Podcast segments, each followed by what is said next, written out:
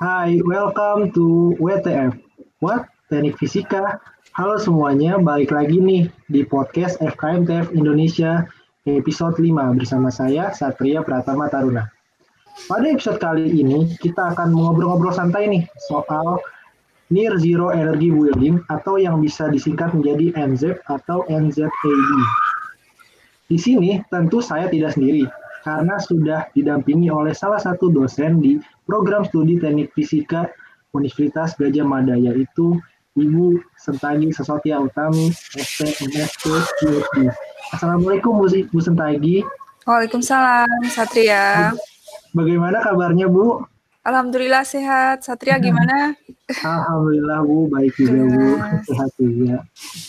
Oke teman-teman, uh, sebelum kita masuk ke inti topik atau bahasan obrolan kita, mungkin saya ingin sedikit menegakkan sedikit nih ingatan mengenai peminatan atau pengayaan yang ada di teknik fisika yang ada juga di teknik fisika UGM. Ada instrumentasi, instrumentasi dan kontrol, energi terbarukan, dan juga fisika bangunan nih.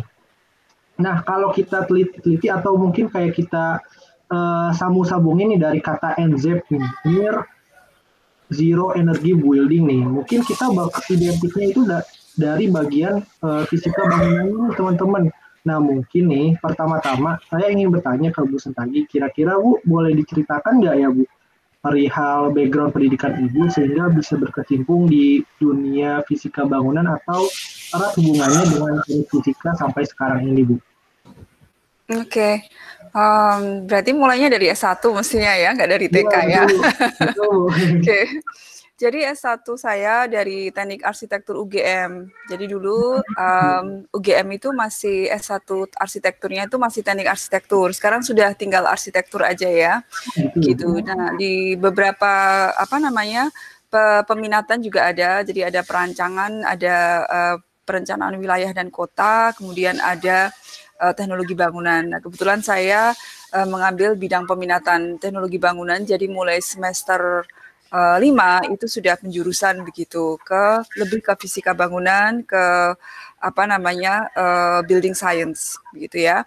Nah kemudian uh, saya lulus dan uh, kebetulan uh, teknik fisika UGM waktu itu masih memasuki tahun kedua dari uh, dibukanya di tahun 99 begitu kan dibuka tahun 98.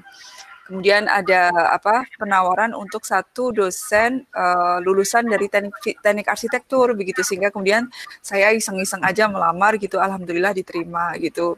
Uh, sebetulnya saya tidak membayangkan sih di teknik fisika itu yang saya tahu uh, ada fisikanya gitu. Tapi karena saya memang uh, istilahnya uh, tidak juga alergi ya, tidak terlalu alergi dengan fisika, jadi saya tidak takut juga melamar gitu waktu itu dan mungkin sudah takdirnya.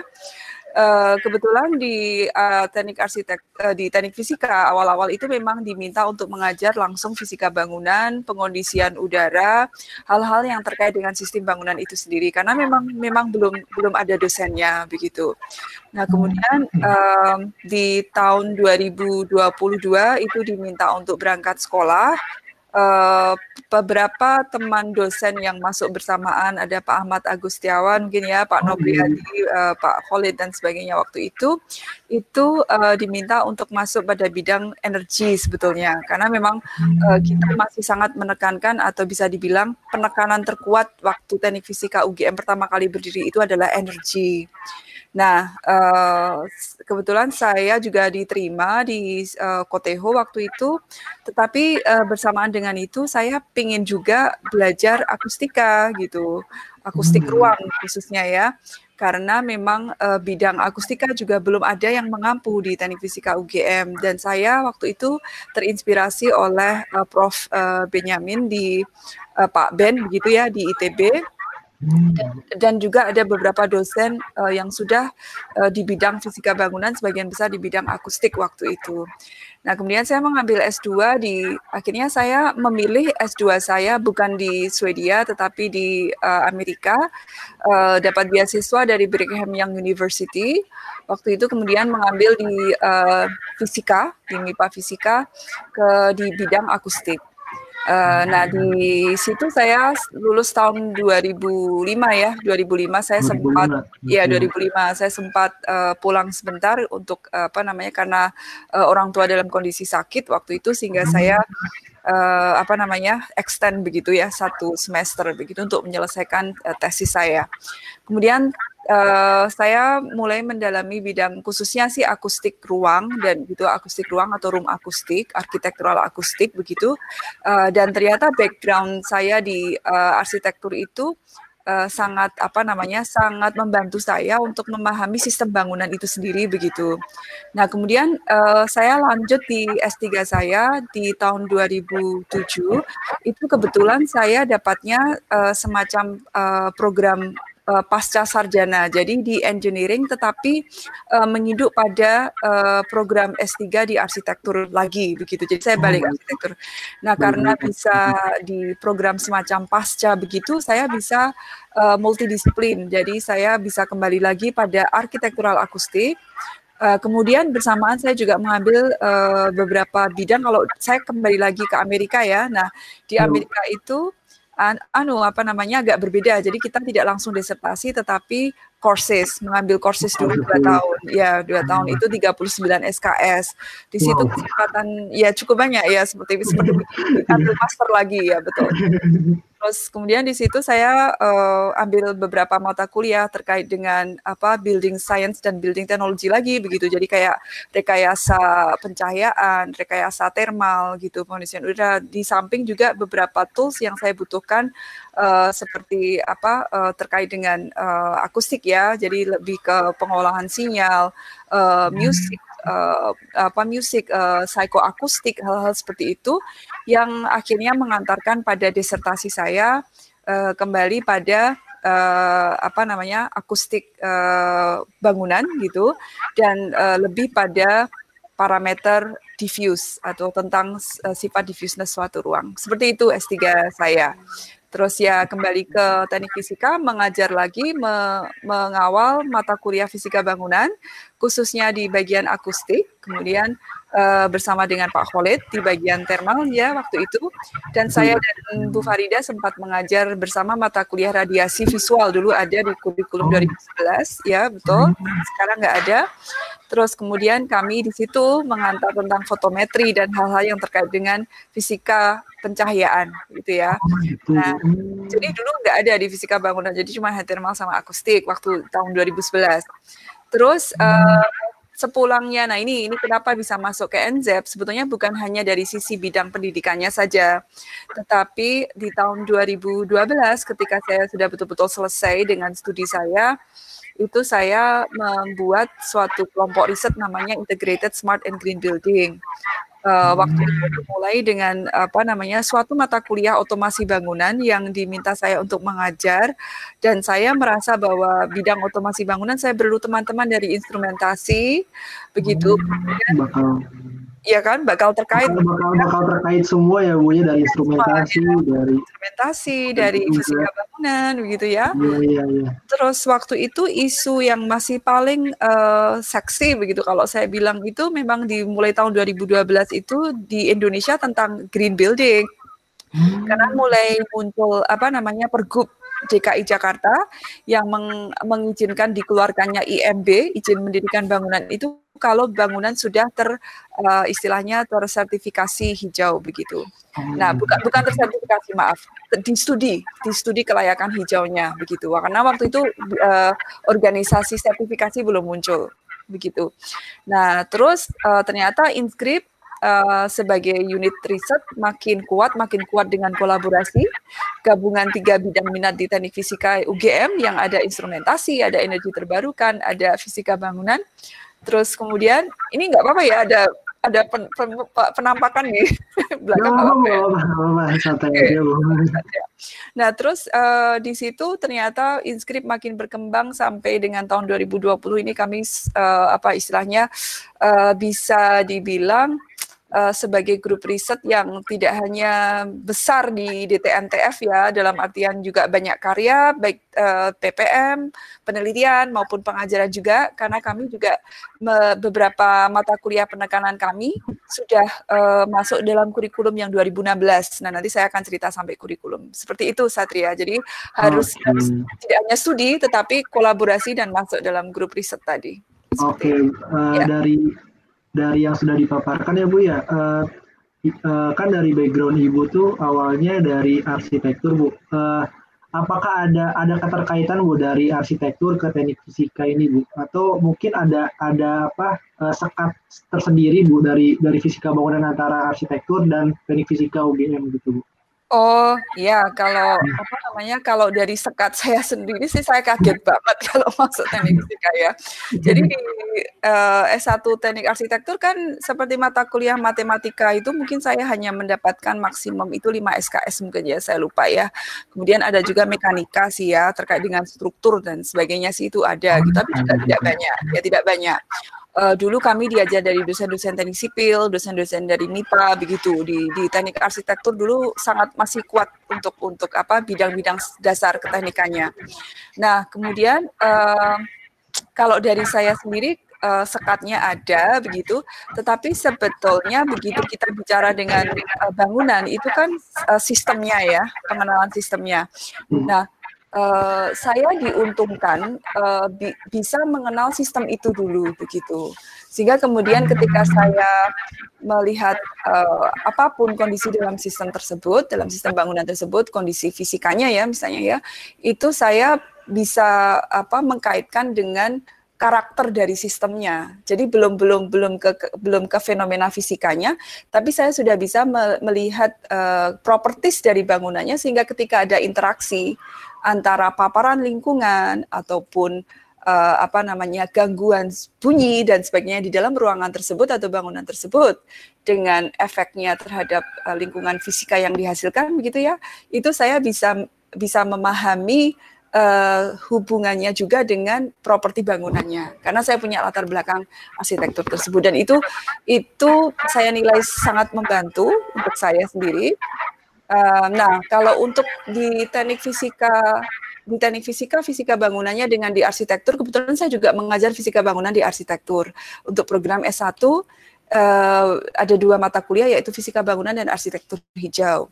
Nah, kalau di arsitektur itu uh, kita bicara pada desain pasifnya. Jadi uh, bentukan uh, geometrinya, gubahan massa, desain dari nol begitu. Uh, itu arsitek kan biasanya pendekatannya dari artistiknya dulu begitu ya. Atau dari uh, program ruang, kebutuhan kapasitas ruang berapa, fungsi ruang seperti apa, aktivitas seperti apa hasil dari uh, efeknya dari terhadap lingkungan huni yang dihasilkan, maaf, uh, efek dari desain terhadap lingkungan huni yang dihasilkan itu produk dari desainnya arsitektur. Sehingga kemudian seperti apa kondisi fisika bangunannya itu tidak bisa menebak dari awal begitu. Nah, itu teknik ten, uh, fisika bangunan di arsitektur. Nah, cuma ada beberapa rule of thumb atau guideline dalam desain yang akan mengatakan bahwa kalau menggunakan kaca yang lebar gitu ya itu iya, window to wall ratio gitu teman-teman arsitektur paham gitu. Itu akan memasukkan cahaya alami yang banyak itu paham. Dan juga akan uh, apa tapi sekaligus akan memasukkan kalor matahari itu paham. Tetapi hmm. bagaimana besaran-besaran itu nah itu di teknik fisika Oh, Apakah okay. itu karakteristik yang positif atau itu yang perlu di apa perlu di handle atau direkayasa itu di teknik fisika. Duh, Oke, ini... berarti berarti saling melengkapi ya Bu ya antara fisika yes. bangunan yang ada di teknik arsitektur dengan teknik fisika ya Bu ya. Betul Oke. betul saling. Uh, baik Bu, keren Bu. Uh, jadi sa saya ingin menanyakan lagi Bu mengenai background Ibu juga. Eh, kira-kira apa Bu uh, landasan Ibu sehingga memilih fokus di bidang fisika bangunan ini Bu? Uh, jadi ya tadi kebetulan saya merasa merasa background saya yang dari S1 arsitektur itu teknik arsitektur itu uh, sesuatu yang apa istilahnya unik ya, unik dan dan tidak hmm. tidak tidak ada mungkin di, di seluruh teknik fisika itu yang dosen-dosen teknik fisika baik di ITB, ITS atau di tempat-tempat lain itu yang memiliki latar belakang seperti saya begitu. Kalau dari teknik sipil ada ya Pak Rahmawan misalnya dari dari elektro cukup banyak di tempat kita kan begitu. Hmm. Yang pure teknik fisika juga ada beberapa dari kita. Nah, eh, ternyata menerjemahkan dari uh, kebutuhan istilahnya apa ya pemahaman pada sistem bangunan itu dengan fenomena fisika bangunannya itu tetap harus ada orang yang mentranslate yang bisa paham dari cara berpikirnya arsitektur atau arsitek begitu dengan uh, teknik fisikanya gitu. Hmm, nah, ya, ya, ya. Jadi beberapa yang, missing ya Bu ya. Yang missing di situ ya, kan. Ya, ya, ya, ya kita sering bilang teknik fisika itu general engineering begitu kan, menjembatani hmm. berbagai macam bidang gitu. Hmm. Nah, ini makin terasa lagi ketika kita betul-betul berhadapan dengan uh, real problem gitu ya. Gampangnya hmm. sering kali istilahnya project gitu kan, project hmm. gitu. Ya, betul. Um, uh, mulai 2012 itu kan beberapa penelitian dan juga kerjasama dengan teman-teman di uh, apa namanya uh, uh, bangunan ya gampangannya ya. Jadi saya juga dilibatkan oleh teman-teman dulu dosen-dosen saya di teknik arsitektur uh, untuk apa namanya proyek di uh, akustik ruang khususnya ya. Terus kemudian saya bersinggungan dengan teman-teman yang di bidang uh, energi, jadi yang belajar audit energi dan sebagainya untuk teknik fisika, maupun mereka yang di bidang mechanical electrical yang kaitannya dengan pengondisian udara. Nah ternyata teman-teman yang punya latar belakang uh, arsitek, punya latar belakang dari mechanical engineering, punya latar belakang dari elektro gitu dan sebagainya. Ketika masuk ke dalam project itu tuh harus saling komunikasi begitu.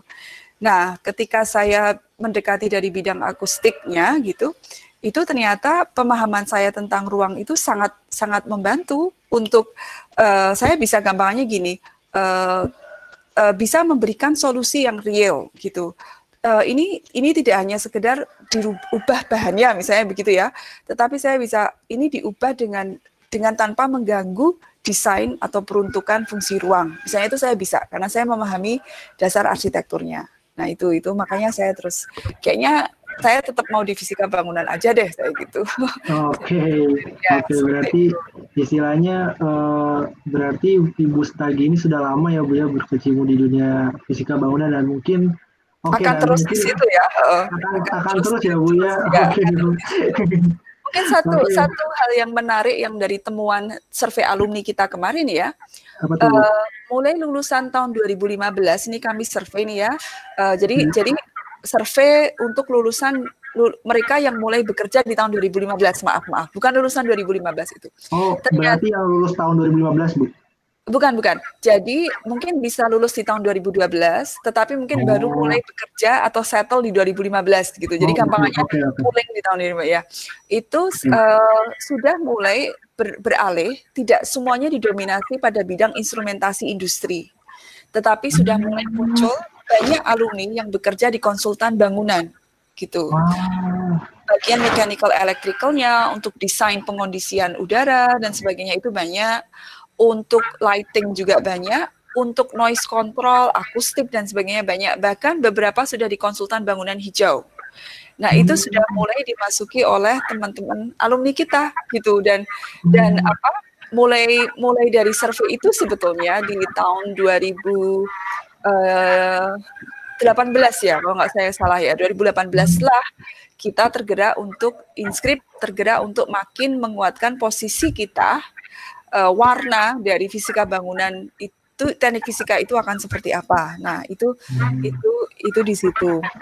Terus yang menarik lagi uh, bidang kompetensi keahlian fisika bangunan itu ketika kita coba menghandle berbagai macam uh, masalah bangunan-bangunan baru di di UGM atau bangunan existing ya yang yang yang katakanlah mau dibuat lebih hemat energi oh, atau lebih jauh iya. ya di UGM ditambah instrumennya ya Bu ya uh, instrumennya mau di retrofitting jadi misalnya diperbaiki desain lightingnya oh. atau atau dibuat hijau bahkan ya dibuat hijau oh, itu pada akhirnya kelompok riset yang paling paling terlihat itu ya inskrip gitu. Dari teknik fisika gitu kan makanya kita sekarang hampir sebagian besar uh, tim hijau UGM, hampir sebagian besar tim itu koordinatornya inskrip gitu. Jadi kita ya kita ngelit. Termasuk yang sekarang proyek terbesar itu adalah uh, apa uh, super kreatif hub gelanggang mahasiswa dengan luas 75 uh, meter persegi itu juga green, tim greennya yang mengawal adalah inskrip seperti itu. Gitu. Oke. Okay. Yeah. Wow, ternyata uh, memang sangat erat ya, maksudnya fisika bangunan ini. Uh, mungkin kita bisa lanjutkan ya Bu ya ke obrolan inti kita dari topik ini Bu. Uh, uh, mendengar kata NZ nih Bu, mungkin banyak uh, orang yang kurang familiar Bu dengan kata itu. kira kira-kira apa sih Bu NZ itu Bu? Atau apa sih Bu latar belakang yang buat adanya istilah NZ itu Bu? Oke, okay, baik ya. Di um, itu sebetulnya dimulai dari keterlibatan kami dalam uh, proyek yang diperoleh uh, oleh Pusat Studi Energi UGM (PSE) mendapatkan uh, kerjasama dengan USAID. USAID itu uh, de, apa United States Aid ya, jadi dana bantuan dari USAID. Um, oh. Ada program Shera, sebetulnya Shera Dikti begitu, dan kemudian uh, dibuatlah uh, Center of Development Study the Center of Development uh, sebentar saya lupa. SCDSR yang jelas. Sustainable Regions Development of Sustainable Regions gitulah kampanye waktu itu CDSR dilead oleh uh, Pak Rahmawan. Nah kebetulan kan juga Pak Rahmawan juga masuk dalam tim inskrip ya. Nah oh, kemudian iya. topik yang diangkat itu uh, adalah tentang net zero energy building begitu. Nah kemudian bersamaan dengan itu uh, kami sudah mulai istilahnya menggeluti uh, green profesional. Jadi sudah tersertifikasi hijau, bahkan sudah bisa uh, memberikan peratingan penilaian pada sebuah bangunan apakah hijau dan tidak. Dan dari beberapa ya, dan dari beberapa kriteria hijau yang kami lihat itu memang 40% lebih itu fokusnya pada energy efficiency seperti itu. Jadi kalau kita bikin semacam piramidnya begitu ya, itu uh, kita mulai dulu dari sebuah sustainable concept, kemudian sustainable concept diterjemahkan menjadi bangunan hijau gitu, yang berisi beberapa kriteria. Salah satunya adalah hmm. energy efficiency dan conservation gitu. Nah, hmm. kemudian dari energy, energy energy efficiency conservation, kita masuk ke konsentrasi energi itu dan targetnya adalah membuat sebuah bangunan dan sebuah lingkungan huni itu sebagai net zero energy building. Nah, waktu itu dimulai tahun 2012 itu seperti itu. Dan dan uh, apa? Ternyata uh, target kita waktu 2018 itu uh, sesuai dengan kondisi sekarang. Ternyata memang sebagian besar negara itu sudah lama meninggalkan konsep bangunan hijau. Jadi uh, seperti beberapa negara di Eropa untuk tahun 2020 ini sudah mentargetkan bangunan-bangunannya bukan lagi green building tetapi uh, net zero energy building. Berarti bisa dikatakan uh, net zero energy building itu sebagai versi upgrade dari green building Bu atau bagaimana Bu?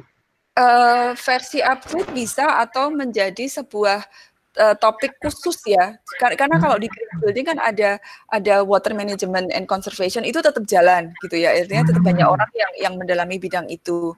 Kemudian ada juga yang kaitannya dengan material kan ya material uh, apa recycling uh, natural resources dan sebagainya. Nah kebetulan energi itu menja masih menjadi isu yang paling penting sampai saat ini gitu kalau dibilang uh, turunannya benar sih turunannya. Jadi uh, karena isu global masih ke energi, maka kemudian net zero menjadi hal lebih penting dari green building. Oke. Okay. Ya betul Satria. Nah, Oke, okay. nah dengan tahu nih uh, apa apa itu NZ nih Bu, kira-kira nih Bu, kira uh, prospek dari lulusan teknik fisika yang ingin terjun di bidang fisika bangunan khususnya di NZ ini bagaimana ya Bu ya? Oke, okay, um, jadi uh, apa namanya? kita cerita kondisi sekarang saja ya. Saya saya belum hmm. belum bisa memperkirakan ke depannya. Tetapi uh, kalau yang green building itu memang tadi sudah saya sampaikan kita sudah banyak yang di situ dan uh, demand untuk ke situ tuh masih banyak banyak terus. Uh, uh, bukannya sombong ya, mohon maaf, tetapi untuk menghitung energy efficiency dan conservation itu memang uh, katakanlah di dalam green shape, green shape new, new building uh, kriteria yang dikeluarkan oleh Green Building Council Indonesia, mohon maaf, tetapi 44% itu perhitungan perhitungan teknik fisika. Karena misalnya kita menghitung OTTV, ya OTTV itu memang suatu persamaan atau rumus yang given. Tetapi sebetulnya itu terkait dengan proses kan. Ada perpindahan panas dan massa di situ. Yang memahami siapa? Ya teman-teman teknik fisika begitu, ya. Sangat Terus erat ya, ya. sangat erat, sangat erat. Terus kemudian kalau di OTTV memang nanti akhirnya larinya pada cooling load kan ya. Dan kemudian cooling load itu diterjemahkan dengan uh, pemilihan pemilihan komponen-komponen pendinginan udara yang uh, bisa hemat energi begitu. Tetapi ketika komponen itu dipilih, uh, chiller, evaporator, semua satu sistem semuanya itu ya, itu belum tentu performansinya itu ketika sudah diaktifkan gitu. Kalau kita tidak mempertimbangkan uh, efek keluaran uh, apa dari dari air handling unit itu atau sistem pengondisi itu terhadap uh, perilaku fluida di dalam suatu ruang begitu, maka tidak akan bisa tahu apakah ini berhasil tidak gitu ya untuk menyelesaikan pengondisian udara tadi gitu. Jadi akhirnya kan mekanika fluida masuk, uh, termodinamika masuk, begitu kan ya. Itu itu semua permainannya teman-teman teknik fisika gitu gitu ya itu iya sangat erat gitu jadi akhirnya beberapa beberapa persamaan itu dari pengalaman kami sendiri waktu kami ikut uh, sertifikasi green profesional itu ya, itu akhirnya peran teknik fisika di dalam setiap tim itu sangat cukup besar gitu atau bahkan bisa dibilang sangat besar. Misalnya saya menghitung energi efisiensinya, saya bilang uh, cooling load-nya masih terlalu tinggi, ganti OTTV gitu kan. Begitu hmm. saya minta OTTV diturunkan, itu saya harus bilang ke arsiteknya, arsiteknya akan mengikuti saya untuk mengubah misalnya permainan window to wall ratio atau permainan material gitu misalnya gitu. Oh, iya. Ya. Jadi kita sebenarnya ngelit, sebenarnya ngelit kalau benar-benar mau green building lo ya, kalau benar-benar. Tapi dalam kenyataannya uh, apa ya posisi dari konsultan green building pun ini tidak belum menurut saya kok masalah budaya ya belum dianggap terlalu serius begitu uh, Indonesia sendiri karena reward yang diperoleh itu belum terkelihatan begitu. Uh, ya karena kita kan dapatnya nanti untung setelah bangunan dioperasional operasionalkan, oh, iya, kan betul, betul, betul. lebih hemat ya, lebih hemat gitu dari sisi AC, dari sisi apa. Tapi kan itu nanti, gitu kan? Ya, secara langsung ya bu ya. Secara langsung gitu. Jadi ya nanti akan bermanfaat kok lima tahun lagi gitu atau itu kan tidak tidak bisa. Tapi kalau beberapa beberapa uh, gedung yang dikelola dengan manajemen yang profesional yang sudah mengikuti uh, manajemen luar ya itu sudah percaya gitu karena mungkin sudah banyak pengalaman toh di dalam menangani itu. Tapi kalau uh, untuk gedung-gedung yang belum terlalu kompleks biasanya susah untuk masuk perannya di situ. Gitu, Satri. Oke, terima kasih Bu atas jawabannya. Uh, Bu, saya ingin bertanya Bu, pada praktiknya nanti Bu, apakah lulusan uh, untuk bagi teknik fisika yang mungkin bakal uh, berkecimpung di bagian fisika bangunan ya Bu ya, apakah lulusan teknik fisika ini akan berkolaborasi langsung dengan beberapa lulusan teknik atau bagian il bagian ilmu lain Bu? Oh iya, apa jelas itu sekarang kan nggak ada ya nggak ada pendekatan uh, problem solving. Apa pun di kondisi uh, apa namanya sekarang ini zaman sekarang ini tidak ada engineering bekerja sendiri ya. Kita ah, iya. ya dan bahkan kita tidak hanya dengan engineering kita juga dengan dengan bidang-bidang lain gitu. Uh, apa apa namanya termasuk yang mungkin yang selama ini uh, pengalaman di inskrip saja yang persinggungan sangat dekat itu ada dari teman-teman psikolog,i gitu kan, misalnya terkait dengan oh. ya terkait misalnya dengan kenyamanan lingkungan huni begitu. Itu kan persepsi, sensasi begitu. Itu kan faktor-faktor psikologis kan gitu. Uh, psikoakustik misalnya atau kenyamanan termal misalnya. Itu ukuran-ukuran yang kadang-kadang sifatnya lebih ke psikologis bukan ke fisiologis ya, bukan fisiologis yang terukur. Meskipun beberapa beberapa sensasi itu bisa diukur Ya, ya saya mungkin tadi uh, kurang spesifik ya untuk untuk bidang kerja NZ ya, uh, Satria tadi saya saya kelupaan. Nah, uh, nantinya nantinya uh, kriteria green di, di Indonesia itu sudah sudah harus NZEP salah satunya karena kebetulan kebetulan uh, kita juga ada loh hikmah dari pandemi COVID ini begitu ya kebetulan itu. Yaitu bangunan itu tidak hanya harus comfort tetapi harus healthy, healthy building. Ya, itu yang yang paling penting yang pertama. Nah, ketika dia harus healthy, itu kita mulai mengurangi penggunaan mechanical electrical system, uh, khususnya AC, AC ya, yang uh, dianggap sebagai salah satu faktor resiko untuk uh, infectious uh, COVID di dalam sebuah ruangan gitu. Karena uh, yang namanya AC nyala itu udara ya cuma muter di situ kan begitu. Iya betul. Maksudnya bakal gitu ya Bu ya karena apa ya. dari ya, dari dari udara AC itu ya Bu ya. Dari udara AC itu hmm. dan dan dan sekarang memang untuk healthy building yang disasar itu adalah air change rate-nya atau laju pertu, per, pertukaran udaranya dari udara luar dengan udara dalam. Nah, ketika masuk ke situ, maka yang masuk adalah penggunaan ventilasi, sistem ventilasi hmm. untuk pertukaran udara langsung. Nah, sistem ventilasi mungkin tidak bisa mengandalkan hanya alami dengan membuka jendela saja, tetapi kadang-kadang mungkin membutuhkan mekanik, misalnya dengan kipas, dengan exhauster dan sebagainya ya. Tetapi konsepnya itu harus sangat-sangat mengandalkan uh, dua komponen penting, terutama yaitu yang pertama gubahan massa, orientasi bangunan atau desain, gampangnya desain pasifnya gitu. Desain pasifnya. Jadi misalnya arah hadapnya timur, barat, selatan, utara itu penting. Itu tuh diterima dulu saja ya nanti saya ceritakan kenapa. Kedua gubahannya. Gubahannya itu sini tinggi, sini rendah, sini tertutup, tershading dan sebagainya. Itu penting. Karena ada faktor kedua yang penting untuk healthy building yaitu pemanfaatan potensi lingkungan uh, yang sering kita katakan sebagai potensi iklim mikronya, iklim mikronya gitu. Ventilasi paling penting apa?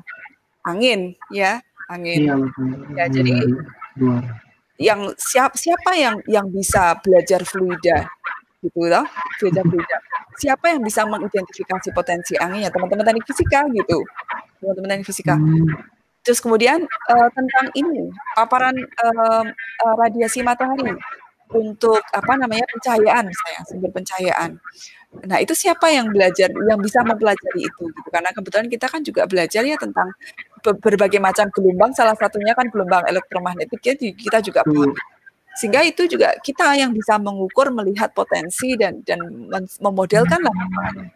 Nah informasi tentang semua tentang potensi alami itu itu kita berikan pada arsitek untuk kita katakan tolong Pak, tolong Mas, tolong Mbak, bangunannya diarahkan seperti ini yang banyak bukaannya. Kenapa? Karena kita akan memasukkan udara atau angin sebanyak mungkin, udara bergerak sebanyak mungkin dari sisi itu. Tolong Mas Mbak, uh, ini diberi shading saja. Kenapa? Karena banyak sekali paparan matahari dari arah sana. Kalau kita beri shading, maka bisa mengurangi uh, pemanasan dari, dari sinar matahari. Nah, seperti itu. Itu butuh uh, butuh teman-teman teknik fisika untuk melihat potensi alami. Nah, ini sekarang kita semua uh, tidak hanya green building ya atau katakanlah GBCI saja, Green Building Council Indonesia akan mengeluarkan uh, ini bocoran saja ya, bocoran saja akan mengeluarkan suatu kriteria baru, baru gitu, yang uh, istilahnya versi terbaru begitu, dan itu sudah uh, berbeda, bukan green building tetapi healthy and net zero energy building. Seperti itu. Jadi memang menambah aspek-aspek lain ya Bu ya. Aspek ya, aspeknya berbeda. Jadi bukan hanya pengukuran rating-rating saja tetapi langsung potensi alami, baru desain, baru kemudian kita lihat efek ventilasi, pencahayaan alami, dan baru kemudian nanti memasukkan desain aktif atau electrical mechanical system. Ya, ya. Insya Allah besar deh kita nanti, Insya Allah ke depannya. Oke baik bu, ya. uh, sangat apa sangat uh, beragam ya maksudnya uh, apa dari keterkaitan dari apa sih keterkaitan dan juga peran serta teknik fisika dalam uh, apa dalam hal ini NZEP ini ya Bu ya. Ya, uh, ya. Saya ingin menanya, menanyakan juga Bu, uh, bagaimana Bu perkembangan NZ di Indonesia ini? Atau apakah sudah mulai diimplementasikan atau masih dalam riset dan diteliti lebih lanjut Bu? Oke, uh, ini kebetulan tahun ini memang sedang gencar-gencarnya untuk untuk di apa namanya segera diimplementasikan ya. Artinya uh, ada juga kan Ashray chapter Indonesia misalnya itu sudah sudah banyak melihat khususnya beberapa pertanyaan yang yang apa namanya menyinggung pada healthy building itu gitu kan. Karena sekarang uh, yang sangat ditakutkan itu adalah penggunaan AC penggunaan AC padahal kita iya. tahu uh, konsumsi energi terbesar pada bangunan itu adalah AC ya. Itu itu uh, saya mau ngambil data berbagai macam tahun itu nomor satu di Indonesia masih AC untuk komersial untuk komersial building gitu ya.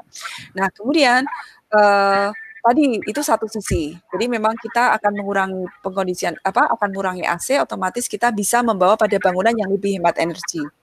Kemudian pertimbangan yang kedua uh, mengingat apa namanya uh, NZEP itu sendiri itu tidak hanya pada sisi energi efisiensi dari bangunannya atau gampangnya bangunannya dibuat sedikit mungkin konsumsinya, definisi dari net zero energy building itu dia harus suatu bangunan yang bisa mensupply energinya sendiri secara mandiri dengan menggunakan energi terbarukan. Oh iya, seperti solar cell gitu ya Bu ya? Salah satunya, salah satunya, ya itu solar cell. Uh, mungkin Satria bilang solar cell karena kayaknya kalau di lingkungan tinggal kita yang paling memungkinkan dipasangnya saat masih solar iya, cell ya. Itu mungkin ya, Bu ya. Tapi masih bisa memungkinkan Bu kalau emang uh, eh, NZ ini uh, dikomersilkan maksudkan maksudnya kayak di ditaruh di rumah-rumah warga gitu Bu. Uh, bisa tetapi sebetulnya kalau untuk uh, apa namanya uh, istilahnya tuh life uh, life cycle-nya atau atau uh, chain chain produknya ya apa sih chain supply maaf chain supply-nya itu industri kita memang masih istilahnya kan sebagian besar masih impor kan ya sehingga kita yeah. masih masih belum bisa mandiri dari sisi itu ya masih jatuhnya masih mahal masih hmm. mahal uh, maaf maaf masih lebih mahal daripada membeli listrik PLN. Oke okay, betul. Nah, itu. Ya, ya, betul. Nah, orang kan milihnya ya pokoknya saya bisa beli kok kenapa saya harus pasang energi terbarukan kan gitu kan iya. nah jadi nanti nanti kaitannya juga dengan dengan kebijakan dengan policy dengan apa apa yang yang itu harus bersama-sama harus bersama-sama di Indonesia hmm. ini. Nah sehingga kami melihat kemarin di di inskrip dari penelitian kami ini nanti akhir tahun ini harusnya sudah terbit uh, buku kami yang pertama menuju uh, nearly zero energy building di Indonesia begitu ya. Itu kami mengatakan bukan net zero tetapi nearly karena kita ya kan nearly karena sebetulnya net zero itu harus imbang antara energi yang digunakan dan energi yang disuplai energi terbarukan yang disuplai. Nah kita ini baru bisa menurunkan di sini baru bisa menurunkan di energi energi demandnya. Oh. tetapi kita teknologi untuk energi supply-nya ah, masih masih sedikit sekali yang bisa menutup kebutuhan energi dari suatu bangunan. Sehingga kita baru, baru bilang nearly aja deh gitu, belum belum bisa net belum bisa net zero. Ya. Tapi nggak apa-apa, nggak apa-apa. Jepang saja sampai sekarang masih nearly juga gitu. Beberapa negara juga juga belum bisa mengklaim yeah uh, net zero gitu net zero karena memang memang praktis untuk menggunakan energi terbarukan atau kebetulan juga mungkin potensi ya itu itu potensi setempat gitu ya itu tuh belum belum memungkinkan gitu untuk untuk bisa net zero seperti itu. Nah, istilahnya bertahap ya Bu ya dari nearly dulu ke net ya Bu ya. Net zero ya. Masih mendapat mendatang ya Bu ya. Iya, oh. tapi kan paling nggak sudah mulai. Iya gitu. betul. Oke, okay. Bu, uh, berarti uh, tadi sudah dikatakan juga ya Bu ya uh, dari inskrip ingin menanyakan eh, ingin apa menerbitkan paper atau um, apa majalah ya Bu ya? Buku, buku. Oh, buku, buku ya. Berarti uh, bagaimana Bu riset yang dijalankan oleh UGM sendiri itu Bu? Oke. Okay. Uh, kami sih risetnya langsung uh, apa namanya? Uh, project ya, maksudnya langsung problem solving ya. Kebetulan kita kan sekarang mengawal uh, ini apa SCH itu uh, uh, super kreatif hub atau gelanggang mahasiswa itu yang yang uh, total total areanya total untuk area terbangunnya itu 75.000 meter persegi. Itu besar sekali ya.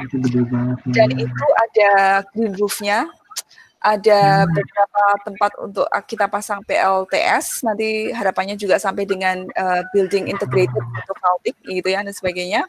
Tapi harus uh, harus hemat energi. Nah, hmm. Terus gimana itu gitu kan? Gimana itu? Itu itu satu. Jadi kita kita kemarin kemudian uh, diminta oleh BCI, diminta secara tidak tidak langsung kebetulan UGM punya MOU dengan Green Building Council Indonesia.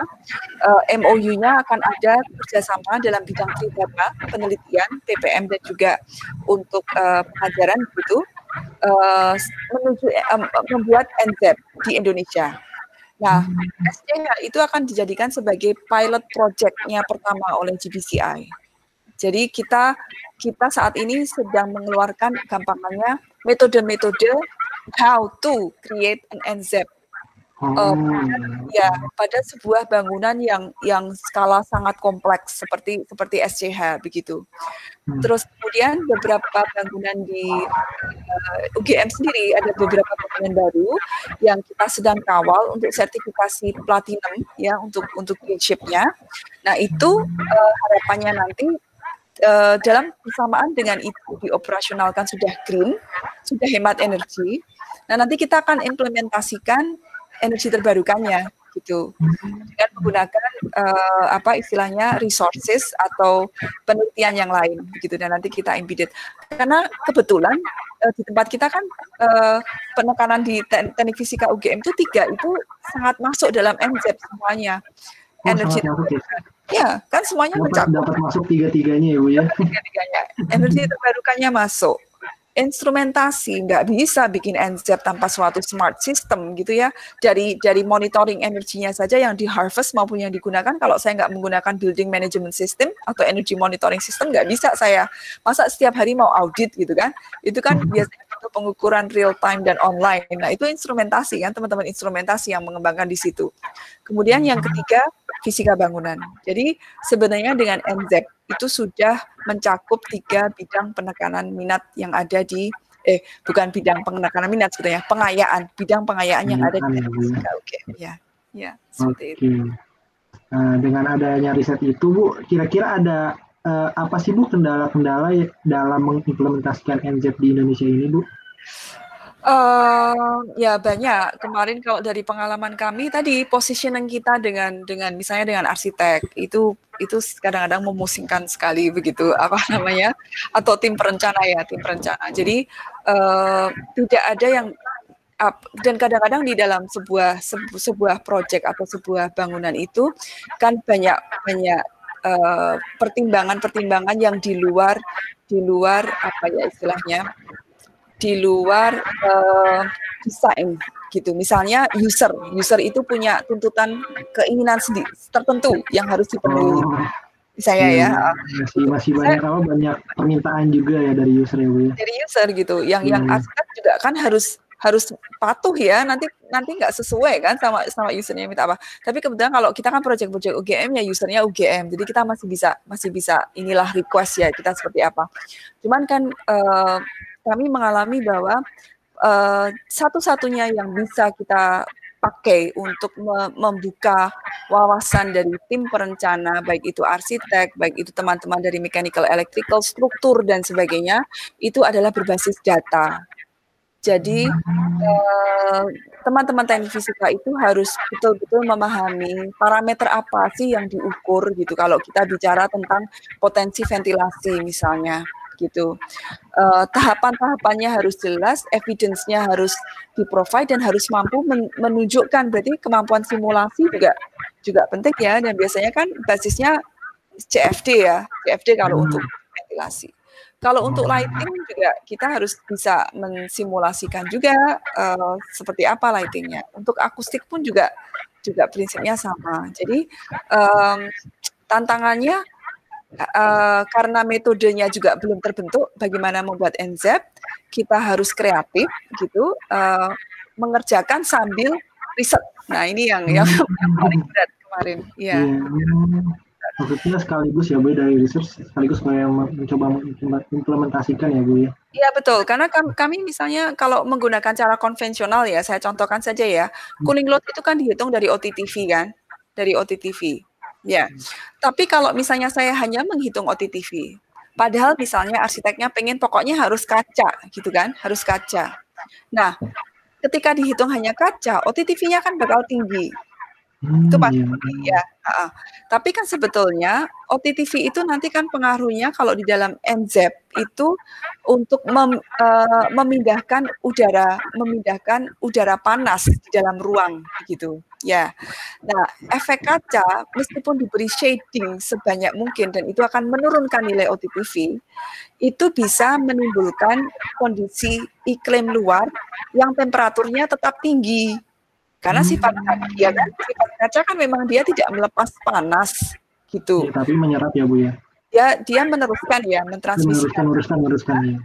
Uh, infrarednya kan nggak lepas begitu kan berarti build up di dalam udara di luar juga dia merupakan bidang yang cukup reflektif, albedo juga tinggi, begitu kan? Eh maaf, albedonya rendah, begitu. Nah sehingga kemudian uh, lingkungan luar itu sendiri menjadi panas atau temperaturnya tinggi. Mau dibuka seperti apa jendelanya, sebesar apa pun gitu ya, gampangnya kacanya, itu tetap udara panas malah masuk gitu.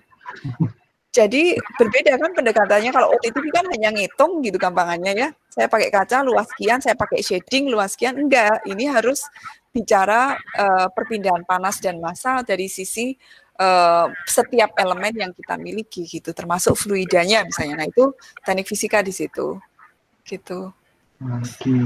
Ya, kompleks kompleks sekali saat yang susah itu menekankan anu, jangan pakai ini, jangan pakai ini, jangan itu. Ya, tapi ya tantangannya ya nanti udah simulasi dua hari full gitu udah dapat data ternyata udah dikasih tahu gitu eh desain tetap nggak berubah. Simulasi lagi sekian tetap nggak dirubah solusinya apa? Skylight. Nah masang skylight itu siapa yang bingung gitu kalau kita masang skylight? Nggak cuman kita yang green karena kan panas langsung masuk ya direct masuk. Orang-orang struktur kan Wong itu atap di kota dibolongi dipasang sesuatu yang rentan gitu gampangnya. Nah nanti orang struktur gimana? Nah, jadi kompleks kan gitu. Ya.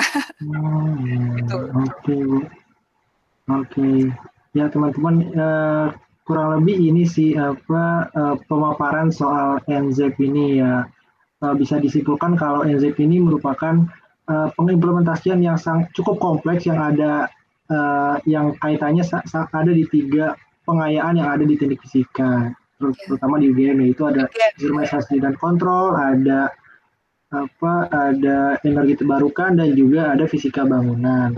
Nah, Bu mungkin uh, kita langsung nanya, aku eh, saya langsung pengen nanya closing statement sekaligus pesan buat calon penerus bangsa nih Bu yang tertarik dan ingin berjuang di NZEP ini atau terkhusus di bidang fisika bangunan ke depan nih Bu. Oke. Okay. Aduh, apa ya? Susah ya kalau bikin closing statement ya. Uh, kalau saya mungkin untuk kondisi ini aja ya, pandemi COVID ya, bagaimanapun juga itu harus harus Anda siap ya. Jadi buat adik-adik hmm. semua nih, para generasi muda ya, nusa dan bangsa begitu kan ya. Uh, satu tips yang mungkin uh, saya memberikan tips-tips saja ya dalam closing statement ini. Um, tips yang pertama itu Anda harus harus kreatif, itu itu jelas ya, harus kreatif uh, kreatif itu tidak harus kemudian di, dimiliki dengan suatu IPK yang tinggi atau apa gitu. Kreatif itu adalah think out of the box. Nah itu tuh kondisi sekarang itu sangat sangat penting. Gampangannya tugas akhirnya mentok karena nggak bisa ke lab. Nah itu bisa cari cara cara lain untuk tetap selesai sekolahnya tanpa tugas akhir misalnya. Oke. Okay. Yang kedua, uh, integritas dalam apa pun itu harus harus selalu dijaga. Dalam kondisi Anda tidak bisa kuliah luring misalnya itu, kemudian merasa semua resources terkurangi begitu ya, kompetensinya tidak memungkinkan begitu. Uh, kejujuran perlu ditingkatkan gitu kan, itu kan bagian dari integritas gitu untuk untuk uh, semuanya termasuk jujur pada diri Anda sendiri. Gampangnya gini, sekarang dengan daring Anda kuliah nggak nggak perlu diawasi gitu kan tetapi ya, yakin nggak gitu ya? Yakin nggak is this really my work? gitu. Nah misalnya itu tuh integritas itu yang kedua. Karena itu nanti tetap tetap kepake sepanjang sepanjang kreatif integritas dan kemudian yang ketiga memiliki kemampuan adaptasi yang tinggi pada suatu kondisi apa pun kondisi apa pun. Anda harus uh, adaptasi yang tinggi belum tentu kreatif. Ada orang yang sangat adaptif itu karena dia uh, menggunakan aturan-aturan main yang sudah baku. Tetapi dia tetapi dia patuh. patuh begitu. Itu kan ada obedient gitu. Itu juga bisa. Kan biasanya yang patuh itu malah nggak terlalu kreatif toh. Gitu ya. Saya punya anak banyak ya. Jadi kalau anak saya beling itu oh itu kreatif gitu ya. Tapi dia biasanya dia biasanya memang tidak patuh. Nah cuman uh, harus adaptif tadi itu apa? Kalau ada perubahan seperti apa uh, bisa switch bisa bisa terus bergerak bisa terus uh, apa namanya berkreasi dan melanjutkan hidup tanpa terlalu mengganggu uh, mengganggu kondisinya begitu. Nah itu itu sangat sangat bukan adaptif. Dan mungkin uh, itu tiga tips itu untuk untuk closing statement saya. Dan ini saya peroleh sebetulnya dari teman-teman alumni yang sempat uh, bercerita bahwa sekarang ini kondisinya itu sebetulnya krisis ya, krisis uh, termasuk economical crisis gitu. Jadi uh, pekerjaan yang berpindah setiap saat itu kan sekarang ini sedang sedang banyak terjadi juga. Nah, siapa yang bisa segera settle down dan menyesuaikan itu ya dengan tiga kemampuan itu integritasnya tinggi gitu. Apa pun pekerjaannya tetap 100% begitu kan? Kemudian kreatif dan kemudian memiliki tingkat adaptasi yang tinggi gitu. Nah ini yang yang harus disiapkan gitu Satria. Oke okay, terima kasih Bu. Uh, baik uh, this is your future WTF engineer. See you in the other side